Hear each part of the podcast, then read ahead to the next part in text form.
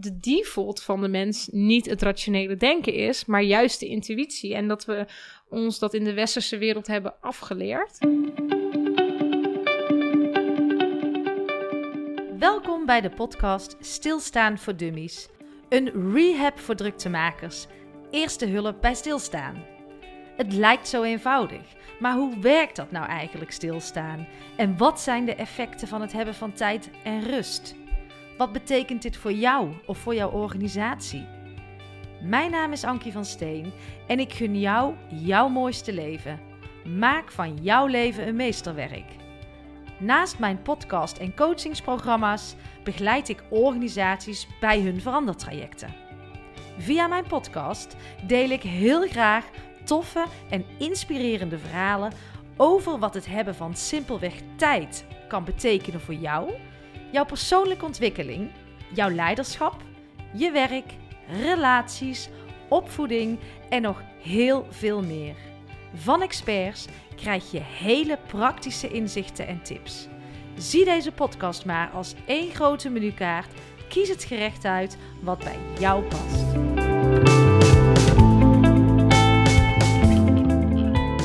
Aan het woord wederom Alex Meloon. Aflevering 2 van een mooie serie die ik samen met Alex aan het maken ben. In onze eerste aflevering, episode 4 van mijn podcast, hebben we gesproken over werken en leven in vrijheid. Mocht je deze nog niet geluisterd hebben, de moeite waard. In deze aflevering gaan we het hebben over leven en werken vanuit je intuïtie. Want waarom zijn we dit toch eigenlijk zo afgeleerd? En waarom blijven we dit maar associëren met zweverigheid of zwakker zijn of misschien wel luiheid? Waarom vergeten we te luisteren naar dat stemmetje van binnen en laten we ons opslurpen door drukte en wat anderen van ons eisen?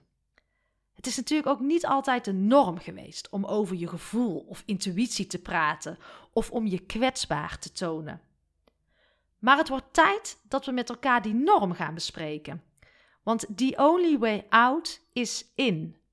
Zoveel mensen, en dat zie ik ook in mijn coachingsprogramma's, die staan op een tweesprong. Van wat wil ik? Wat kan ik? En die zijn de grip op hun eigen leven een beetje kwijt. Maar ik kan jou met 100% zekerheid zeggen dat die antwoorden nou juist van binnen moeten komen. En die verbinding met onszelf, die zijn we nou net een beetje kwijt. Want we zijn zo extern gericht. Die antwoorden die vind je in rust en in ontspanning en alleen met je gedachten durven zijn. En ja, dat is spannend en dat is hartstikke eng. Maar iedere expert is ooit een beginner geweest. En geloof jij hier nou ook 100% in? Abonneer je dan op mijn podcast. Volg mij op Instagram, Ankie van Steen. Of laat een mooie comment achter. En wil je weten hoe Alex dit doet? Wat Alex bedoelt met haar holy time? Alex neemt ons verder mee.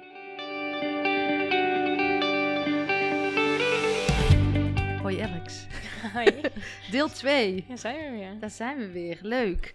Ehm, we hebben natuurlijk hartstikke lang gesproken over uh, ja, plaats en tijd onafhankelijk werken, zoals ik het noem. En jij met een prachtig woord remote werken noemt. We hebben het ook gehad over uh, wat de kracht is van keuzes maken en, en vrijheid van werk. En wat mij bij jou ook ontzettend opvalt, uh, en wat, waar ik tijdens mijn sabbatical achter ben gekomen, is dat jij enorm sterk bent, sterk overkomt bij mij, um, hoe je omgaat met het gevoel, met ja, het volgen van jouw eigen intuïtie. En ik heb natuurlijk gemerkt dat door altijd te werken, 70, 80 uur te maken in de week, en daarna stil te gaan staan. Dus ja, sabbatical te nemen. Ik noem het echt compleet stilstaan van volledig aan naar volledig niks. Ik merk weer dat mijn voelsprieten weer aanstaan. Ik had helemaal niet van tevoren als doel. Ik ga weer voelen. Ga weer voelen, maar het is wel gebeurd. En ik heb nog nooit zoveel intense geluksmomentjes gehad het afgelopen uh, half jaar. Dus dat vind ik heel fijn. En dan, maar dan kijk ik op zo'n stories van jou en dan denk ik, god, hoe doet ze het? en uh, hoe ben jij daar dan zo dichtbij gekomen? Um, nou, ik zal beginnen met dat ik ook echt een periode heb gehad dat ik er heel ver vandaan stond. En dat is nog helemaal niet zo heel lang geleden. Ik denk dat ik ja, drie, vier jaar geleden Wil je daar iets uh, over kwijt over die periode? Ja, nou, het, het, het triggert me omdat je zegt het, het uh, heel hard gaan en het stilstaan. Um, ik heb altijd van mezelf gedacht dat ik iemand ben die heel. Ik, ik heb heel veel energie. Ik, heb, ik heb, ben erg energiek. En, um, fijn is dat. En dus dat is fijn. Maar ik heb ook altijd een soort van crash gehad daarna. Dus dan kon ik me helemaal aan iets geven. En dat duurde dan ongeveer uh, drie weken of zo. En dan kon ik echt gaan en hyperfocus en pam, pam, pam en knallen. En uh, ik vond het ook, ik denk dat het ook bijna een soort van verslaving was aan, aan de adrenaline. En, en dan daarna was ik gewoon helemaal, helemaal kapot. En dan, uh, ik tekende ook wel eens voor mezelf zo'n zo'n dingetje uit van, oh, dan ging ik, weer, ging ik weer sprinten. Dan ging ik weer harder, harder, harder, harder. En dan ging ik in een piek letterlijk naar boven, totdat ik gewoon echt in een volle sprint zat. Ja. En dan vlak daarna, dan, dan, dan knalde ik naar beneden. En ik zeg het nu tegen jou alsof het super logisch is dat ik dat dus heb gehad. Alleen de eerste, weet ik veel hoeveel keer dat dat gebeurt zie je dat patroon nog niet gelijk van jezelf. Dus het overkomt je elke keer. Ja. Voor, voor je, voor, voor, laat ik het zo zeggen, voor mijn gevoel overkwam het me de hele tijd. Mm -hmm. Omdat ik me er niet bewust van was. Maar ik dacht wel van, oh, nou heb ik het weer, nou heb ik, nou heb ik weer zo'n uh, zo'n week dat ik niks kan en nergens zin in heb. En toen ik dus nog niet bewust was dat ik elke keer zo'n harde sprint trok en dan daarna een crash had. Mm -hmm. Nogmaals, ik benoem hem nu heel duidelijk tegen jou alsof, die, alsof ik het altijd heb geweten. Maar natuurlijk wist ik dat dus eerst niet. Um, die crashmomenten die werden steeds harder. En de periode van bijkomen werd ook steeds langer. En het werd steeds moeilijker om mezelf op te pikken en weer aan te zetten. Want ergens denk ik diep van binnen, en daar komt hij, mijn gevoel. Diep van binnen wist ik dat het niet houdbaar was. Maar toch ging ik weer en toch ja. deed ik het weer. Ja. ja, die herken ik zo.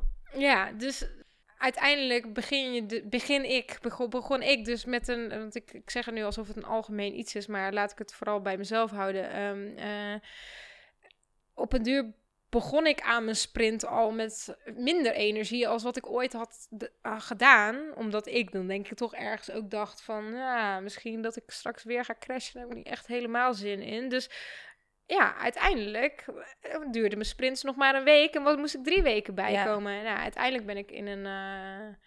Uh, ik, ik, zeg nooit dat ik in een burn-out terecht ben gekomen. Ik, ik, heb wel hele hevige burn-out klachten gehad. Ik zit nog steeds een beetje in ontkenning. Ja. Ik weet namelijk niet zo heel goed. Ik ben gewoon bij de dokter geweest en mijn uh, bijnier was gestopt met functioneren. Um, uh, dus uh, de dokter zei, je hebt... Uh, je, Too much stress. Ja, je hebt een, je hebt een burn-out en je moet even rust nemen. Ja, ja ik vind dat absoluut um, helemaal niet nodig om dat te ontkennen. Ik heb er zelf ook een gehad. Ik was 25. Hm. Ik weet niet dat ik bij, de, bij de psycholoog zat. En toen dacht ik, waarom heb ik dat? Ik zat vooral heel erg in de... Hoe moet ik het zeggen? Ik was, dat je dat, ik was al tegen aan het vechten en ik accepteerde het niet. En toen zei ze, als jij straks, uh, ben maar blij dat je het nu hebt. Mm. Want als je 50 bent, is het veel moeilijk om, om patronen te veranderen. Dus uh, ja, ik ben eigenlijk wel heel blij dat ik het uh, heb gehad. Ja, ik ben ook heel blij dat, dat ik die periode in ieder geval heb gehad. Maar ik, ik heb toch nog steeds moeite met het, met het labeltje burn-out op de een of andere manier. Ook omdat, nou, ik, ik, ik weet eigenlijk niet zo heel erg goed waarom dat precies is. Ik weet wel dat ik ook heel snel weer eruit ben gekomen. Um, en als ik om me heen mensen hoor met een burn-out... Ik denk dat ik het toch ergens een soort van bagatelliseer. Dat wat, hoe ik het heb gehad, dat het toch niet zo heel erg was. Ja. Um, ik denk dat het daar enigszins mee te maken he heeft. Omdat ik er dus heel snel uit ben gekomen. En in die periode ben ik dus naar mijn intuïtie gaan luisteren. Want de dokter had tegen mij gezegd: neem rust. Mm -hmm. Stop met werken. Nou, dat heb ik dus nooit gedaan, want ik ben toen gaan doen waar ik gelukkig van werd. En dat is ook nog steeds, dat was toen ook onderdelen van mijn werk, werd ik heel gelukkig van. Dus ik ben nooit helemaal gestopt met werken. Alleen ik ben wel gestopt met alle dingen die me niet gelukkig maakten in ja. mijn werk. En ik ben uh, meer gaan sporten, ik ben op mijn eten gaan letten, ik ben veel naar buiten gegaan. En na vier maanden was het eigenlijk wel weer oké. Okay. En was ik een soort van verbeterde versie van mezelf. Yeah. En heb ik daarna nog steeds wel van die crashes gehad, maar ze zijn toen minder gaan worden. Dus ze zijn vanaf toen afgenomen. En nu heb ik ze eigenlijk niet nee. meer. Dus het is, het is echt een, het is een proces geweest, wat toen door die burn-out klachten uh, in, in gang is gezet. daardoor ben ik beter bij mijn gevoel gekomen. En vanaf toen ben ik steeds meer naar mijn gevoel gaan luisteren, waardoor dat sprinten en crashen steeds meer uit mijn patroon is gekomen. Ja, Ja. ja dat, ik vind het heel knap. Ja, misschien is, kijk, be- ik merkte ook wel toen ik ging stilstaan, daar, zat, daar zit echt een stigma op. Het is bijna raar, tenminste, misschien is het, ik weet niet, ja, wij, wij, wij schelen eh, een jaar of acht volgens mij. Eh, als je het stilstaan, dat is toch een beetje gek op de een of andere manier. Mensen vinden dat toch nog. eh, ja, het wordt, of je hebt dan een burn-out, of je, nou ja, je was heel, ik was heel rijk, werd ook gezegd. ik snap ook wel dat niet iedereen de mogelijkheid heeft. En daarom is dit er juist, die podcast, om anderen te, te inspireren. Maar ik zag het echt als een soort reset. En ik hoor jou eigenlijk hetzelfde zeggen: van ja, moeten we het wel burn-out noemen? Tuurlijk zijn we, ben je dan overprikkeld. Maar je bent wel heel erg bezig om jezelf even goed te resetten op de een of andere manier. Door weer veel dichter bij jezelf te komen. Ja. En het zou zo prachtig zijn als dat ook veel meer gemeengoed mag gaan worden hier in Nederland. Eh, om dichter, dat je dus af en toe zegt: ik, ik zoom weer even uit en ik kom dichter bij mijn gevoel. Ja, dat is wel mooi hoe je dat zegt. Ik denk inderdaad dat je precies de spijker op zijn kop slaat in, in terms of... Dat is denk ik de reden waarom ik moeite heb met burn-out. Omdat bu- burn-out ehm, geeft aan dat het een soort van eh kwaal, aandoening, Negatief. ziekte eh, is. En kijk, begrijp me niet verkeerd. Ik bagatelliseer niet mensen die Nee, een burn-out, dat, dat, dat, dat wil Nee. ik echt niet zeggen. Nee. En ook mijn burn-out klachten, eh, dat was bijvoorbeeld dat ik, ehm, nou ja, wat volgens mij sowieso heel erg bijhoort, dat je elke ochtend wakker wordt terwijl je echt totaal geen zin hebt in de dag. En eh, depressieve gevoelens, depressieve gedachten, eh, eh, veel huilen, heel emotioneel. Echt gewoon geen zin hebben in helemaal niks. Nee, Ehm, en waar ik heel erg last van had, was eh, blackouts. Dus ehm, eh, dan zat ik op de fiets en dan wist ik gewoon niet hoe ik daar was gekomen. Dat was heel mijn ochtend. Dus het moment dat ik uit bed was gekomen, dat ik had gedoucht, dat ik mijn kleren had aangetrokken, dat ik mijn fiets had gepakt en op de fiets was gaan zitten en dat ik daadwerkelijk aan het fietsen was. Mhm. Dat hele moment wist ik niks meer van. ja. En dan werd ik een soort van wakker op de fiets. En dan dacht ik echt, wat, wat, wat, wat doe ik hier nou eigenlijk? En dan ging ik in mijn agenda kijken van waar ik heen ging. En dan klopte het wel. Dus ik was dan helemaal op de Ja. automatische piloot gegaan. Ja, ik leefde gewoon als een soort van, van robot. Die gewoon alleen maar deed wat hij tussen haakjes moest doen. Eh, omdat ik dacht dat dat erbij hoorde of zo. En er zat gewoon totaal een hele tijd gewoon geen levensgeluk Nee. in mij. Nee, nee dat, is, dat is, en dat is, dat is wat ik ook heel graag zou willen. Is net als wat jij zegt, dat stigma ervan afhalen. Dat het niet slecht is als je af en toe eens even ja, overwhelmed bent, of even ontredderd, of even op zoek. Het klinkt, eh, het klinkt altijd zo. ehm, ja, ik denk dat het gewoon erbij hoort om een betere versie van jezelf te worden. Ja, en het is ook zo dat eh, je gaat pas iets veranderen. Je komt pas in beweging op het moment dat je een, dat het pijn doet. En het, Mooi dat je dat en het zegt. deed, het deed pijn. Het deed, het deed, het deed fucking veel pijn elke dag Ja. om op te staan. Ik vond, Ja. het, ik vond er helemaal geen reet meer aan. Ik wilde ermee kappen. Ik dacht, fuck deze shit. Ik vind, het he- ik vind, ik vind er gewoon geen reet aan zo.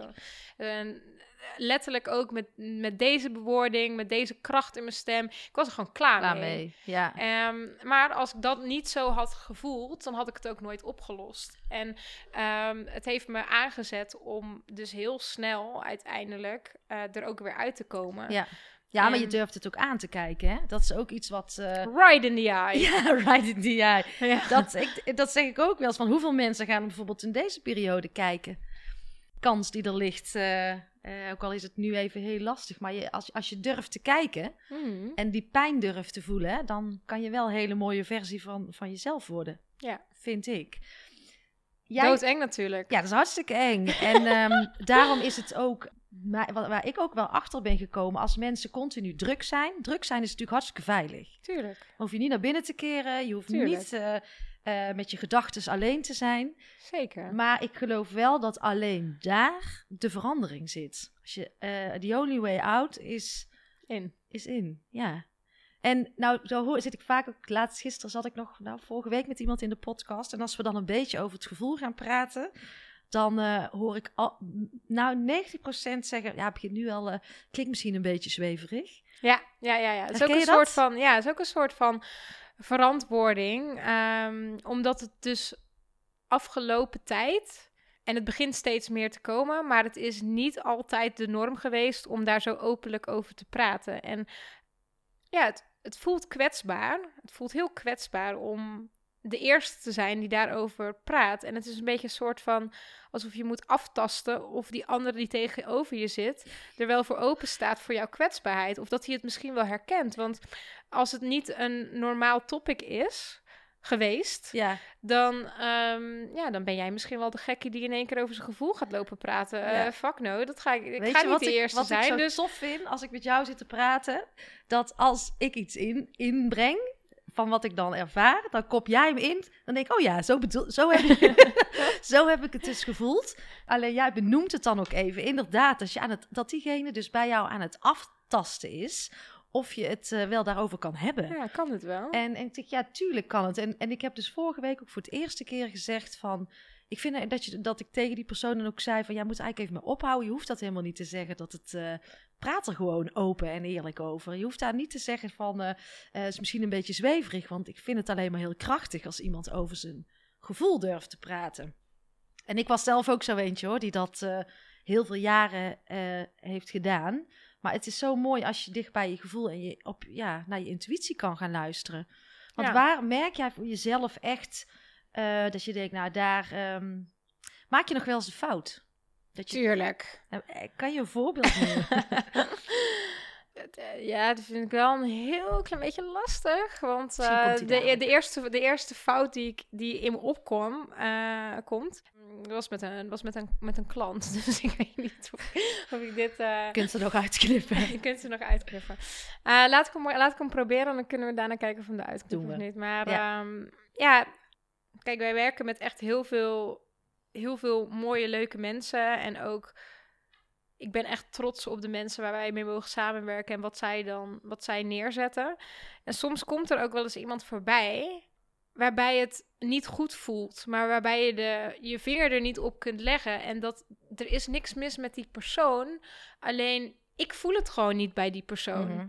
En als die persoon dan ook nog een heel vet bedrijf heeft, of een hele vette visie, of heel mooi kan vertellen, dan ben ik eerder geneigd om mijn gevoel daarin Los te laten. ja, mijn, mijn, mijn hoofd de overhand te geven. Want dan ga ik denken van...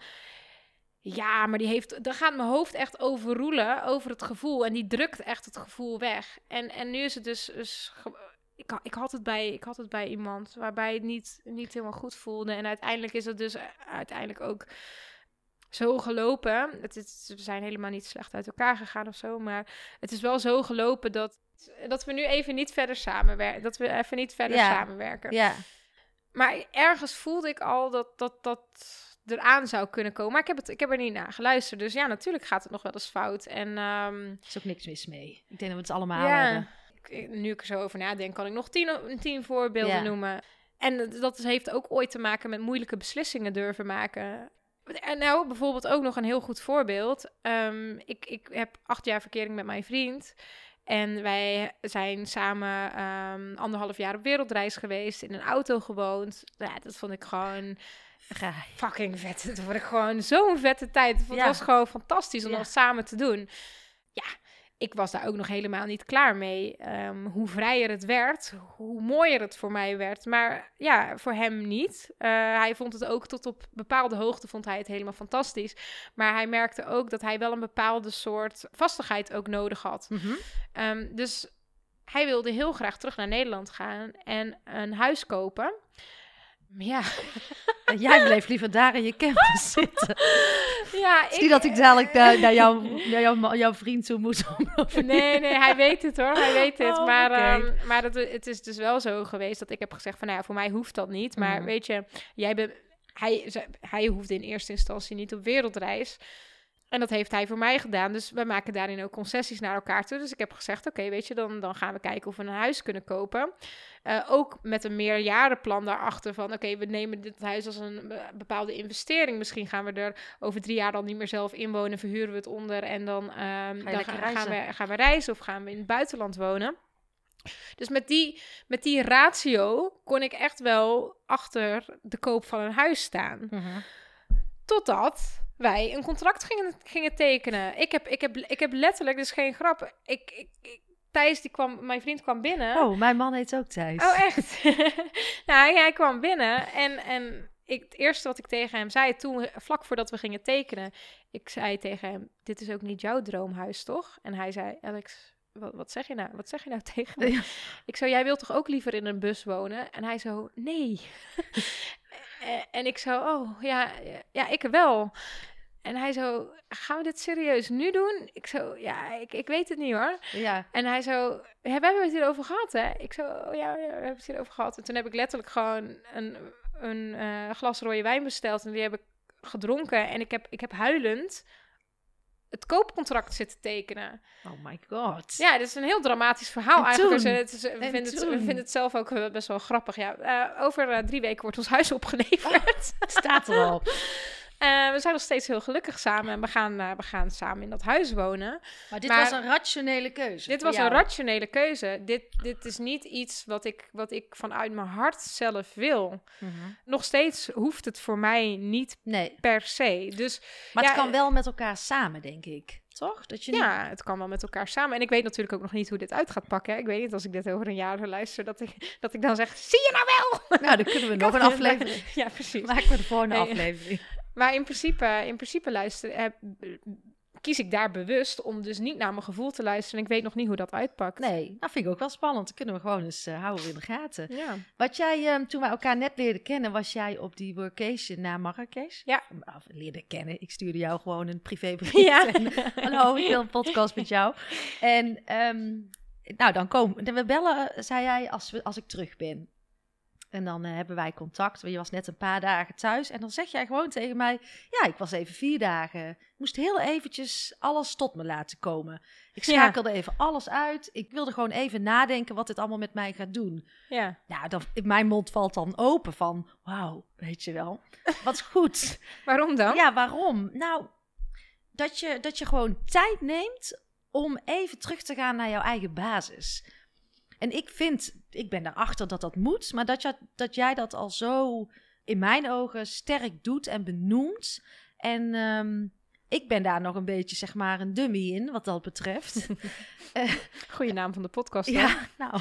En ik, en ik wandel veel en ik merk gewoon hoe meer ik, hoe meer ik kies om tijd voor mezelf te nemen, om na te denken hoe, hoe betere versie ik van mezelf word. Maar dan, vind ik, dan denk ik, ja, jij doet het allemaal maar gewoon. Jij hebt dat dan ook nodig waarschijnlijk op zo'n moment. Of wat, wat gaat er dan door je heen? Ja, ik had het wel echt nodig toen op dat moment. Ja, het was voor mij heel intens, Marokko. Want we waren daar dus met 13 ondernemers inderdaad eh, vanuit, eh, vanuit Meetings in the Sun meegenomen naar eh, Marrakesh. Dus in, in die workation wat we doen met startende ondernemers. eh, dus Mhm. die zijn één tot drie jaar bezig. En eh, die nemen we mee naar het buitenland om ze letterlijk uit hun comfortzone te halen. Leuk. Omdat ik gewoon heel erg geloof dat op het moment dat alles nieuw is, dat je dan niet in je ratio kunt blijven, maar dat je automatisch in intuïtie gaat. En eh, daar hebben we ehm, ja, een stukje persoonlijke ontwikkeling, een stukje zakelijke ontwikkeling, met eh, gewoon eigenlijk al het moois wat Marokko dan te bieden he- Ja. hebt in een, eh, in, een, in een programma gegoten. En daar was ik met 13 ondernemers en we waren met vier begeleiders, dus eh business coach, meditatie eh, eh, coach, eh, iemand die veel van Marokko afweet en ikzelf. Ze waren met z'n zeventienen. Het was toen de laatste groep aankwam, de eerste persconferentie van Rutte. Dus we Ja. waren echt een van de laatste vluchten die, ehm, die Nederland uitging, zeg maar. Mhm. En ja, shit hit the fan daar zo. En het was gewoon zo'n heftige emo- emotionele rollercoaster. En niet per se alleen voor mij, maar ik was daar natuurlijk ook als organisator. En ik heb een soort van, niet volledig de verantwoordelijkheid, maar toch wel, wel. ik voel wel de verantwoordelijkheid voor, voor 13 mensen. Plus, de eerste dag dat we daar aankwamen, zijn we gewoon onze vacation gestart zoals we hem normaal starten. En die is er dus voor gemaakt om mensen uit hun comfortzone te trekken en ze een proces in te laten gaan. Nou, dat is Dus- gelukt, denk ik. Ja, dat is gelukt. Maar die, men, ja, die, die mensen zaten allemaal in hun eigen proces. En wat, je dan, wat je dan doet, je bent gewoon met z'n vieren bezig om hun proces goed te begeleiden. Ehm, en dat was, zag er nu anders uit dan normaal. Maar je zorgt wel dat zij met elkaar kunnen praten. Je zorgt dat er gesprekken geopend worden. We hadden ehm, rustmomenten ingebouwd. We hadden gespreksmomenten. Ja, weet je, je bent wel daar zo om mensen te begeleiden met hun proces. Ja, ja, dus je bent gewoon met je vak, ja, met je werk gewoon bezig. Ja, en dan komt er een wereldwijde ehm, eh, Pandemie. pandemie overheen. En je hebt zelf natuurlijk ook gewoon allerlei dingen die in één Ja. keer bij jezelf opkomen. Dus het is. Je krijgt er allerlei rollen bij. Ja, het, is, het, was, het was super intens. En het was dan ook nog zo, we kennen daar zo mensen waar we al langer mee Je samenwerken. komt vaker in Marokko. Ja, dus voor die, work, eh, voor die workation. Ja. En eh, ehm, de mensen waar ik mee samenwerk van in het doorwee, die komen daar al acht jaar. Dus die, die hebben echt een band opgebouwd met de mensen waar wij dus mee samenwerken. Mhm. Waardoor je mensen heel snel leert kennen. Ze komen heel gauw in je, in je, in je persoonlijke zone. En ja. kijk, wij hebben gewoon eh, het geluk dat we een, een stelsel hebben waar we op terug kunnen vallen. En waar eh, ondernemers worden, worden ge, die hebben subsidies klaarstaan. We hebben een zorgsysteem. Nee, dat is daar niet. Dus Nee. ja, ik voelde me ook zo dankbaar, maar ook bevoorrecht en ook ehm, ja, verdrietig daarover dat, dat, dat wij mensen achterlaten die, die heel dicht bij ons staan. ja, voor, en heel kwetsbaar zijn daar. en, en heel kwetsbaar zijn. En ja, dat was voor mij gewoon. eh, ja, ik word er bijna een beetje emotioneel. Ja. Dat ik denk van. nou, het raakt je. Dat is, dat, dat is, ja, je voelt. Er ja, is niks mis mee. Ja. En dan kom je in Nederland en dan kies jij vier dagen, of nou gewoon even, wat, wat, wat doe je in zo'n, in zo'n, in die vier dagen om even weer alles. ja, alles voelen. En- al echt alles En, voelen. en, en is dat dan gewoon op een kamer zitten of is dat, hoe ziet dat eruit? Kun je dat, wat, hoe werkt zoiets? Ja, dat, dat, ik ben heel veel hier geweest, waar jij nu bent. Dus dat, dat zien de mensen niet. Maar hier zo staat een hele grote groene, groene fijne bank. Ja, fijne bank. Een hele fijne bank waarin ik heel fijn over, eh, over de stad kan kijken. Hoog, Gewoon lekker turen, pijnzen. turen, pijnzen, eh, fijne muziek luisteren. Ehm, wat ik veel doe is ehm, muziek aanzetten waarop ik, waarop ik aan het dansen ben, gewoon alleen. Mhm. Eh, buiten lopen, dat was natuurlijk een beetje lastiger nu eh, met, de, met de lockdown. Maar eh, ik heb wel plekken opgezocht waar het gewoon waar het kan en waar het rustig is en waar ik, waar ik buiten kon zijn. Gewoon echt alleen zijn met je gedachtes. Ja, alleen zijn met mijn gedachten, dingen opschrijven, eh, mezelf dingen afvragen en daar antwoord op proberen te vinden. Mhm. En, en ook inderdaad het, het, het voelen. Dus ik heb wel me verdrietig of eh, vo- voornamelijk voor de mensen eh, daar. En gewoon de, Ja. de stress van, van de mensen die bij ons in de groep zaten. En dat waren gevoelens die daar misschien niet altijd tot uiting konden komen. Omdat, omdat we juist die functie hadden naar de groep. Van oké, die Ja. moeten gewoon eerst. Ja. Dus eh, ja, het was alsof alles in die week was opgekropt. En ik heb gewoon eh, bij moeten... Veel slapen, veel slapen, mediteren. ehm, gewoon heel veel rust Ja. in mezelf vinden. Ja, zo ziet dat eruit. dat dat gewoon goed is, omdat je zegt van nou, ik heb een even heel intense periode gehad en nu moet ik gewoon even bijkomen. En Ja. dat hoeft niet per se, ik hoor heel vaak mensen zeggen ik leef van vakantie tot vakantie. ja. Hè? En, en- maar ik denk dan, nou ja, dan vergeet je dus alle dagen die ertussen zitten. Maar als je best wel even intens bent geweest qua mind en ook qua je, je, je gevoel, mag je daar ook best wel even van herstellen. En dat is denk ik wat jij doet. Gewoon, oké, dan heb ik even een paar dagen nodig. Maar ik vind het gewoon heel krachtig als je dat ook benoemt. Want vaak wordt er toch nog gezien, oh, je moet door, snel, hup, en weer door. Eh, vooral, een, ja, niet lullen, maar poetsen. Ja. En ik denk dat dat gewoon iets is wat echt ook in, de, in het werkende leven ingebouwd moet gaan worden. Dat je dus tijd neemt om eventjes eruit te gaan en Ja. even te kijken, wat gebeurt er nou eigenlijk met mij? En wat, wat ik ook wel heel mooi vond, is jouw... eh, jij deelde iets over Steve Jobs. ja, hier ligt hij. Ja, oh ja. Ik, eh, het rationele denken is volgens Jobs geen menselijke trek, maar een aangeleerd gegeven. Ja. Doordat we constant over alles nadenken en alles rationaliseren, zijn we het contact met onze intuïtie kwijtgeraakt. Ja, ik vind het een hele mooie. Ja, die man eh, die zag het toen al. Ja, hij, uh, hij beschrijft, of ja, in de biografie van Steve Jobs, dan, dan heeft hij zelf een stukje geschreven over dat hij terugkomt vanuit India. Ja. En uh, hij, hij beschrijft dan inderdaad dat hij dan terugkomt in Amerika en dat de cultuurshock in Amerika groter voelde dan de cultuurshock in India. Mm -hmm. uh, en daar daar heeft hij het inzicht dat het rationele denken dus eigenlijk... dat, dat, dat, dat hij dat krankzinnig is, het woord wat in, in het boek staat, uh, uh, krankzinnig vindt. Omdat hij dus in India zo heeft gevoeld dat de default van de mens niet het rationele denken is, maar juist de intuïtie. En dat we ons dat in de westerse wereld hebben afgeleerd.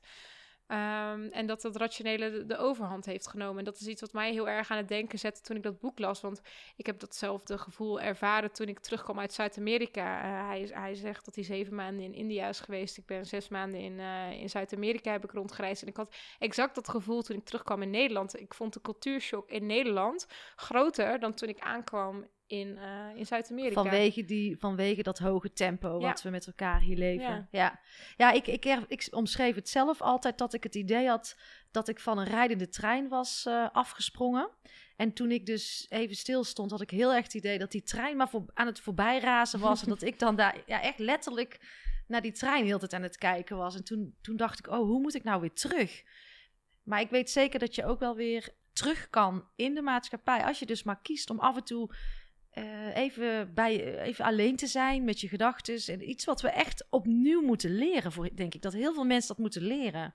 Sterker nog, ik denk dat, um, ik denk dat je nog zelfs veel meer gebruik kunt maken van de snelheid van het systeem als je zelf eruit kunt stappen. Dus op het moment dat je niet erin zit ja. en niet waar we het aan het begin van de podcast over hadden, uh, het overkomt je niet. Nee, het, het, het, overkomt je niet op het moment dat je doorhebt, als je dat uitzoomen. Ja. ja, als je op jezelf uitzoomt en je ziet dat dingen je niet overkomen, maar dat je zelf in controle bent, ja. dan kun je gebruik maken van de snelheid van het systeem. En dan is het een prachtig systeem als je er maar niet op zo'n manier in hangt dat het je overkomt en het lijkt alsof je er geen grip meer op ja. hebt. Nou, vind ik super mooi omschreven van je. Dat, het, uh, dat je af en toe gewoon even eruit moet stappen, even één stap terug. En daarna zet je volgens mij drie stappen uh, ja. mega sprongen vooruit. Ja. Maar je ziet het ook pas als je het door hebt. Ja. En ik gun echt iedereen om mij heen om daarna te gaan kijken. En dat is ook echt de, de, de kracht van deze podcast. Dat, uh, dat het zo mooi is als je dus af en toe dat durft. Ja. En uh, heb jij voor onze hardlopers... Hardlopers? Ja, ja de, de, hardlopers die denken dat ze altijd maar gewoon uh, op de trein moeten blijven van het systeem. Hè, dat ze altijd maar door moeten gaan. Ja? Heb jij, um, die dus alles op de ratio nog doen, dat noem ik hardlopers even op dit moment. Zou jij wat tips hebben hoe je nou stappen kunt gaan zetten om daar uit te komen? Want ik denk soms moet je nou...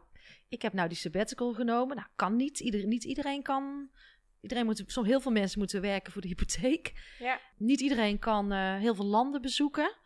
En toch denk ik dat er voor iedereen iets weggelegd is om iets minder druk te zijn en af en toe eens uit te zoomen. Wat zouden kleine stappen kunnen zijn? Heb jij daar een beeld bij? Of een... Hmm, kleine stappen. Kleine stap zou zijn dat je tijd in je agenda blokt ik noem zelf in mijn agenda holy time. Daar komt niemand aan, dat is mijn tijd. En in die tijd mag ik precies doen waar ik zin in heb. En dat kan de ene keer lig ik op de bank, de andere keer loop ik buiten, de andere keer bak ik een taart. En de andere keer ben ik gewoon aan het werk omdat ik daar zin in heb. En dat mag allemaal. Maar het is tijd die door niemand geclaimd kan worden. Dus dat is iets wat, wat en als je dat wekelijks terug laat komen en misschien wel twee keer per week terug laat komen, dan ga je al veel meer in die tijd ook doen. Eh, wat wel goed is, is om, om te proberen om niet tijd te gaan invullen met bijvoorbeeld doelloos scrollen. Dus je kunt prima social media, maar doelloos scrollen, waarin je het gevoel hebt van, oh, ik ben eigenlijk mijn energie aan het geven aan een, aan een medium, zonder dat ik er iets uithoud. Dat zou ik niet per se aanraden. Maar goed, weet je, als, als dat is waar je energie van krijgt, doe het vooral. Maar voel dat wel even bij jezelf. Ben ik echt iets aan het doen waar ik energie van krijg? Ja, laat ik er echt van op. Laat ik er van op. Ja. Uh, op het moment dat je denkt van, dat je een beetje, ik heb dat zelf natuurlijk ook wel eens, dat ik aan het scrollen ben door Instagram en dat ik een beetje een soort van een goor gevoel van mezelf krijg, omdat ik al zo lang aan het scrollen ben. Oh, op, dat ja. ik dan denk van, Alex, gadver, ga naar buiten of ja, zo. herkenbaar. En dan, dus als je dat gevoel erbij hebt, dan is dat misschien niet wat je zou willen doen in je holy time. Mhm. Een andere, natuurlijk meegaan op vacation, maar ik weet niet of dat een kleine is. Maar eh, Nou ja, dat zou ook wel een eerste een, eh, stap kunnen zijn. Dat je af en toe eens even, ja, dat je meer tijd voor jezelf gaat nemen. En- Ja, ja. Als, je, als het gaat over. ehm, zelf ben ik iemand die niet echt eh, van de kleine stappen is. Het is bij mij altijd heel eh, drastisch. Ja, Zo van: oké, ik ga het nu helemaal anders doen. Ja. En een, eh, een, een groot fuck-it gehalte van: oké, nu gaan we het dus zo doen. En dan alles zien we. of niks. Alles of niks. En dat, dat merk je dus ook wel met die, ehm, wat, waar we het net ook over hadden, die burn-out klachten. Die laat dan ook zo ver komen dat, dat ik ook wel echt een soort van, soort van rock bottom ben. ehm, eh, voordat ik er iets aan ga veranderen. En Ja. als ik het dan ga veranderen, dan wil ik ook wel gelijk dat het drastisch verandert. Ik ben nu bijvoorbeeld ook on, eh, in hypnosecursus, om, eh, om, omdat ik dat dan wil leren. En dan ben ik dan heel benieuwd naar. Ja, goed. ik ehm, ben er ook nieuwsgierig naar. Ik hoor graag als je daar mee ja, klaar dat bent is hoe goed, het is. Dat is goed. Dus ik ben wel van de drastische dingen. En zo'n vacation is wel zeg maar in een korte tijd een drastisch iets. Dus het is wat, ik net zeg, we zijn met vier mensen. Persoonlijke en zakelijke ontwikkeling. En reizen en uit, de, uit je comfortzone. En op een nieuwe plek. En Ja. met twaalf andere ondernemers. Dat is op heel veel plekken uit je comfortzone ja, gaan. is Want echt je een gaat powerprogramma. ja, dat is echt, eh bam, we gaan er echt, eh, knallen er echt in. Dus als, als dat je stilo is, dan zou dat iets kunnen zijn. Als je toch meer van de kleine stapjes bent, ik heb net een klein stapje gegeven.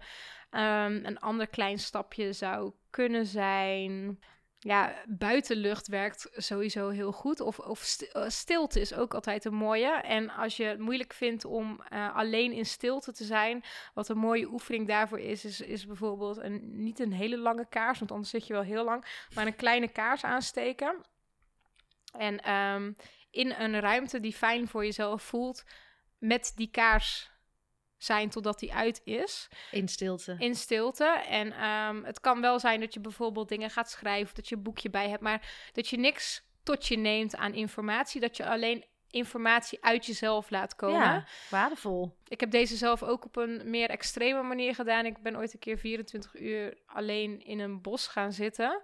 ehm, met eh, drie liter water en eh, geen tent en eh, twee zeiltjes. En toen ben ik dus 24, Alleen. Ja, Stapper. 24 uur alleen in een bos. ehm, ja, zonder tijd ook. Ze werd echt 24 uur later op die plek opgehaald. Eh, ook de nacht doorgebracht. En dan, ja, dat is de wat extremere versie daarvan Ja. in stilte. Ja, maar toch, weet je, het is gewoon kleine stapjes. Dus je kunt, je zegt of gewoon, eh, ik, ik plan tijd in, in mijn agenda. Of ja, of gewoon, je kunt ook voor een heel powerprogramma kiezen. Waar, Als je hem af en toe even lekker uit je comfortzone gaat, zeg jij. En dat je gewoon alleen leert zijn met je gedachtes. Ja, Ja. ik geloof dat daar ook de allermooiste dingen ontstaan. En dan wil ik graag afsluiten. Dan moet ik hem heel even zoeken. Want ja, ik, jij eh, hebt wel eens eh, creëer vanuit de ruimte en intuïtie. There is where the magic happens. En die vond ik prachtig. Dus eh, mag ik jou bedanken voor jouw eh, hele mooie podcast en deelname. En ik ben ook helemaal geïnspireerd, moet ik zeggen. En ik hoop echt dat we de luisteraars hier een stapje verder kunnen brengen om dichter bij hun eh, eigen gevoel te komen. Dankjewel. Graag gedaan. We zijn de grip op ons eigen leven echt wel een beetje kwijt. Hoe vaak stop jij dat stemmetje van binnen weg en laat je jezelf weer opslurpen door de waan van de dag? We zijn er heel goed in om dat stemmetje weg te stoppen. Weg, want dan is het er niet, dan hoef ik er niks mee. En je bent zo weer vijf jaar verder en als je dan terugkijkt, ben je dan trots, ben je dan blij. Maar probeer het eens. Maak wat meer tijd voor jezelf. Durf alleen te zijn met jouw gedachten. Oefen en kijk wat er gebeurt. Kwetsbaar durven zijn en over je gevoel praten is iets superkrachtigs. Daar zit jouw groei en ontwikkeling. Creëer vanuit ruimte en intuïtie. There's where the magic happens. Wil je nou meer weten over mij? Kijk dan op mijn website www.ankievansteen.nl of volg mij op Instagram, gewoon onder de naam Ankie van Steen. Kan ik iets betekenen voor jou of voor jouw organisatie? Of ben je zelf op zoek naar coaching? Laat het mij vooral weten, want ik help je graag. Op mijn website vind je mijn programma's en aanbod. Ik ben natuurlijk heel benieuwd naar jullie inzichten uit deze podcast. Laat het me vooral weten. Mijn droom is dat stilstaan en naar binnen gaan, leven en werken vanuit je intuïtie, echt in verbinding met jezelf zijn, voor iedereen en voor elke organisatie toegankelijk is. En het zou natuurlijk fantastisch zijn als jullie mij helpen in het delen van mijn podcast op jullie socials. Dankjewel. Tot de volgende podcast.